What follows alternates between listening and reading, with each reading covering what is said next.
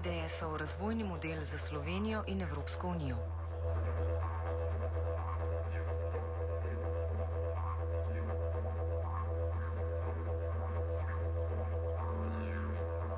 Inicijativa za demokratični socializem je predstavila svoj program razvojnega modela za Slovenijo in Evropsko unijo, s katerim misli, da ve, kako Slovenijo popeljati iz gospodarske in okoljske krize. Prvi vtisi nekaterim kažejo, da je program konkreten in domišljen, tako v kontekstu lokalnih gospodarskih, kot tudi širših političnih pogojev na ravni Evropske unije.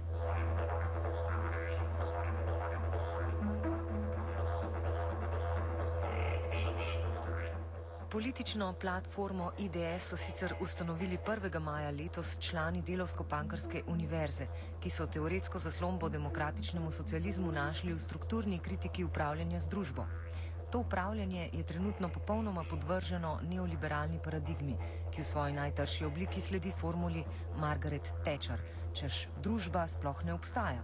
Obstajajo samo posamezniki, kar se izraža v izrazito desnih konceptih tako imenovane vitke države.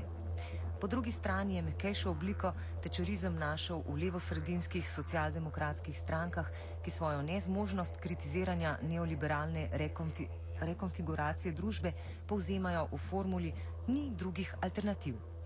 Prisluhnimo, kako je to povzel Luka Mesec, član IDS. Slovenski kapitalistični razred je med krizo idejno in politično bankrotiral. Tranzicijski gradualistični razvojni model, ki smo ga poznali v 90, je, v 90-ih, je iz Slovenije takrat res da napravil tranzicijsko posebnost, ker kot edina postsocialistična država Slovenija ni izvedla šok terapije, a to ni trajalo dolgo. Po začetku pridruževanja evropskim integracijam je tudi Slovenija začela prevzemati dolžniški razvojni model, ki je značilen praktično za celotno evropsko periferijo. Ta je pri nas, vsi se spomnimo, napajal gradbeništvo in menedžerske prevzime zlasti po letu 2004, zlomil pa se je takoj po začetku krize. Za sabo je potegnil katastrofo, propad gradbenega sektorja, uničenje več kot 60 tisoč delovnih mest in milijardne dolgove podjetij in bank. Od takrat naprej nam kapitalistični razred ne zna ponuditi ničesar drugega kot slepo sledenje direktivam Brusla in Frankfurta.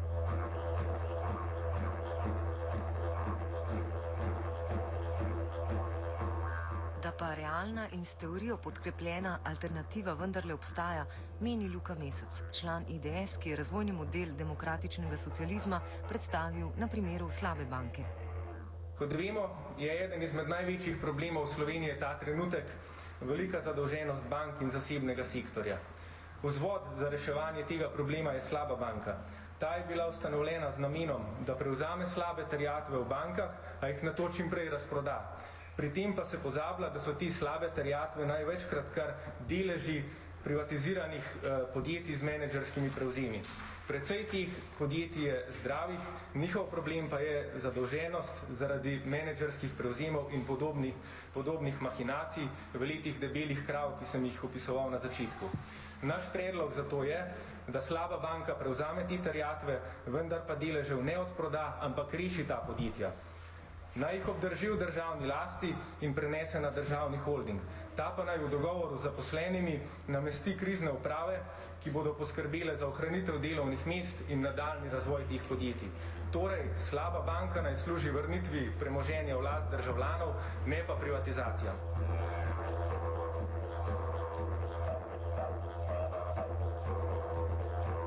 Mesec nadaljuje s predlogi, kako demokratizirati upravljanje podjetij, tako da bodo ta odgovarjala delavcem in da bo gospodarstvo posledično začelo odgovarjati potrebam ljudi in ne obratno. Do demokratizacije na ravni podjetij, to je drugi korak, peljejo tri vrste ukrepov. Najprej je potrebno uvesti politiko odprtih knjig. Vsi moramo imeti dostop do podatkov o poslovanju podjetij in o porabi sredstev. Le tako bomo zagotovili transparentnost in preprečili korupcijo. Drugič, nadzornikov in članov uprav ne smejo več imenovati oske politične elite, kot je bila to praksa doslej, ampak zaposleni in širša skupnost, ki se, jih delovan, ki se je delovanje podjetje, podjetij tiče. In tretjič, treba je uvesti mehanizme, kot so volitve direktorja, demokratično določanje razmeri med najvišjo in najnižjo plačo v podjetju in dati moč delavstvu, da odpokliče vodstva podjetij, če ta škodijo podjetjem ali pa kršijo dogovore z zaposlenimi. Vse te prakse niso utopične, ampak obstajajo v zadružno organiziranih podjetjih že zdaj. To bi veljalo za državna podjetja, v zasebnih podjetjih pa bi lahko do podobnih učinkov prišli z razširanjem obstoječe zakonodaje o soupravljanju podjetij. S tem bi preprečili mešetarjenje menedžerjev, političnih klik in zasebnega kapitala. Ti že 20 let uničujejo naše gospodarstvo.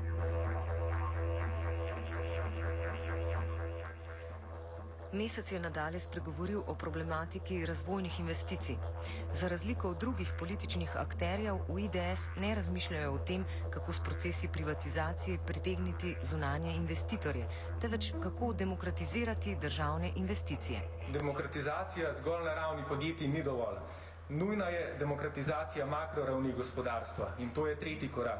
V Sloveniji namreč državne investicije v tem trenutku vsako leto obsegajo okrog 25 odstotkov investicij.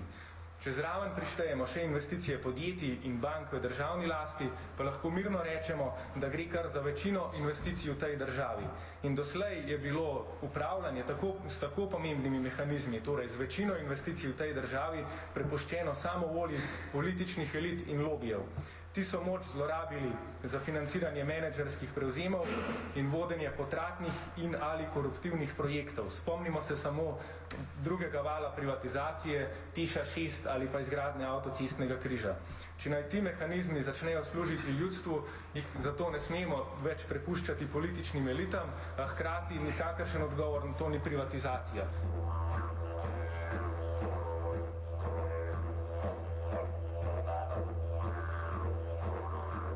Urška Breznik, prav tako članica IDS, je odprla okoljevarstveno vprašanje, na katero v IDS odgovarjajo so naravnim razvojem. Kritizirala je korporativne rešitve okoljske krize, ki odgovornost za varovanje okolja prenaša na pleča zeleno ozaveščenega, povdari z rahlo ironijo, potrošnika. Poleg tega maksimizira profit z linijami dražjih ekoloških izdelkov in hkrati se tej logiki odpoveduje pri samem proizvodnem procesu. Breznikova je predlagala sistemske rešitve na ravni investicijske in davčne politike.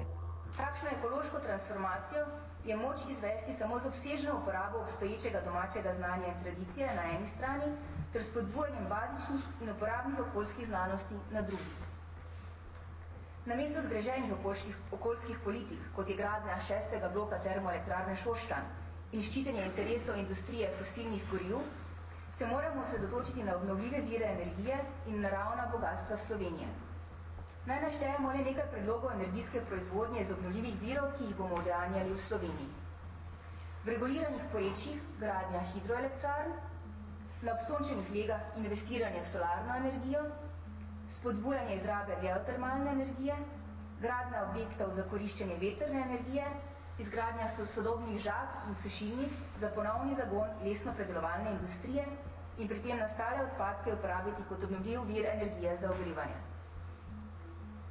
Vsaka pravična okoljska reforma si mora prizadevati razrešiti tudi problem socializacije okoljske škode, ki jo povzročajo večji onesnaževalci. V tem kontekstu je potrebno ukiniti podporne subvencije največjim industrijskim onesnaževalcem. Namesto tega je potrebno subvencionirati projekte, namenjene prilagajanju okoljskim zahtevam, izboljšanju energijske učinkovitosti in promociji nizkoogličnih virov energije.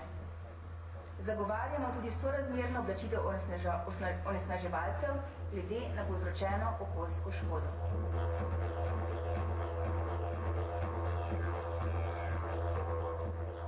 Program razvojnega modela v odnosu do evropskih integracij in dožniške krize je predstavil Ane Korsika, ki je svojo kritiko osredinil okoli politik vrčevalnih ukrepov, kot jih pogojuje odnos centralnih članic Evropske unije do držav na njeni periferiji.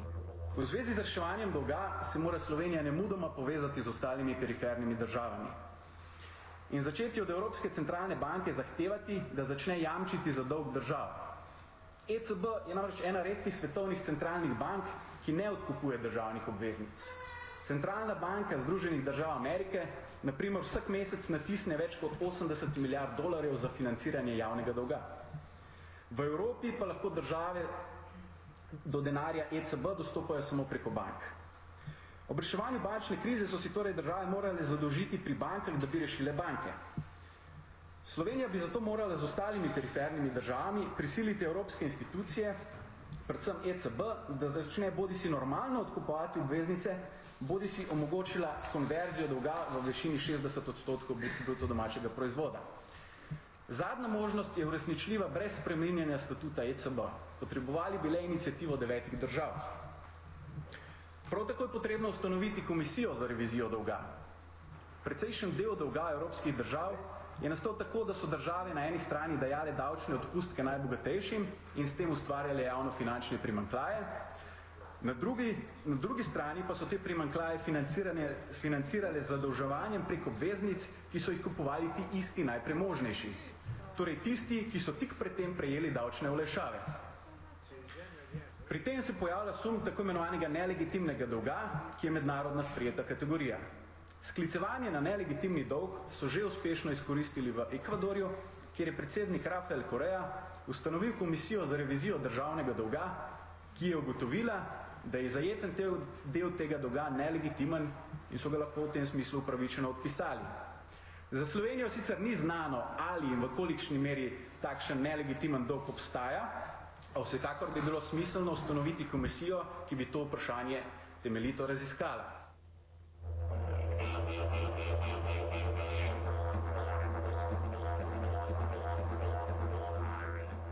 Korsika je bil nadalje kritičen do nedemokratičnosti odločevalskih organov Evropske unije, konkretno do Evropske komisije, na katero močno vplivajo korporativni lobiji.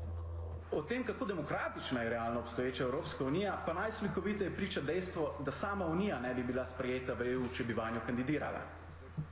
Temeljne odločitve o razvoju in prihodnosti unije se praviloma sprejemajo za zaprtimi vrati in javnost do tovrstnih pogovorov nima tako rekoč nikakršnega dostopa. Je postavljena pod, pred politiko izvršenih dejstev. V nasprotju z javnostjo pa na odločitve vsakokratnih komisark in komisarjev izjemno močno vplivajo korporativni lobiji. Znano je, da je teh v Bruslu registriranih več kot 50 tisoč in da v to vrstno zavarovanje in širjenje svojih interesov namenjajo na stotine milijonov evrov. Skratka, čeprav sta tako civilna družba, kakor korporacije na papirju izenačeni in naj bi imeli enakopraven dostop do institucij, do institucij EU, v praksi temu še zdaleč ni tako. Nedemokratična pa Evropska unija ni samo na vrhu, torej v Bruslju, temveč se s pomočjo zavezojočih politik preslikava tudi v nacionalne zakonodaje. Tako imenovan Maastrichtski prisilni jopič tako določa, koliko javnega dolga, proračunskega primankljaja in kako visoko stopno inflacije ima lahko posamična država članica. Nedemokratičnost teh določil je v času krize postala še očitnejša. In vse jasneje postaja, da so te oblike, da so te politike diktatura manjšine nad večino.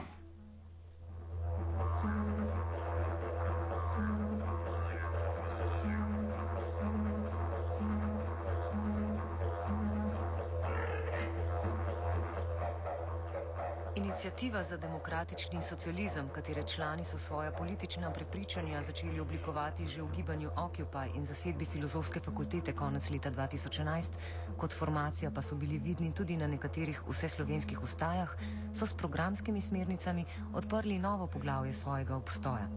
Podarili so, da predstavljeni razvojni model še ni program stranke, niti še ne razmišljajo o ustanavljanju lete.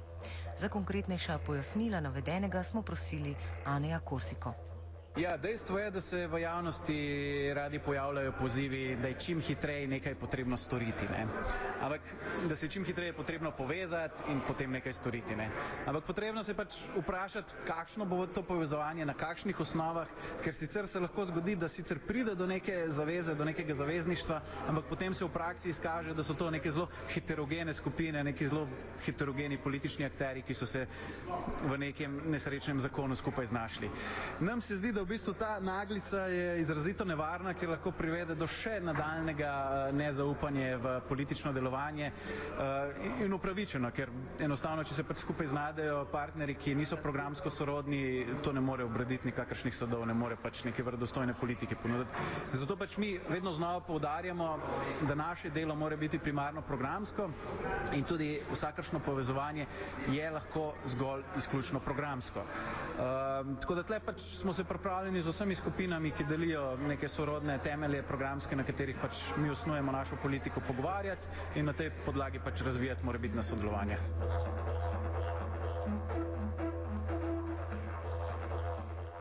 IDS bo v prihodnih mesecih po Sloveniji organiziral še poglobljeno predstavitev svojega programa razvojnega modela. Prva od teh predstavitev bo že to soboto 16. novembra ob 17. uri v prostorih upravne stavbe Bežigrad.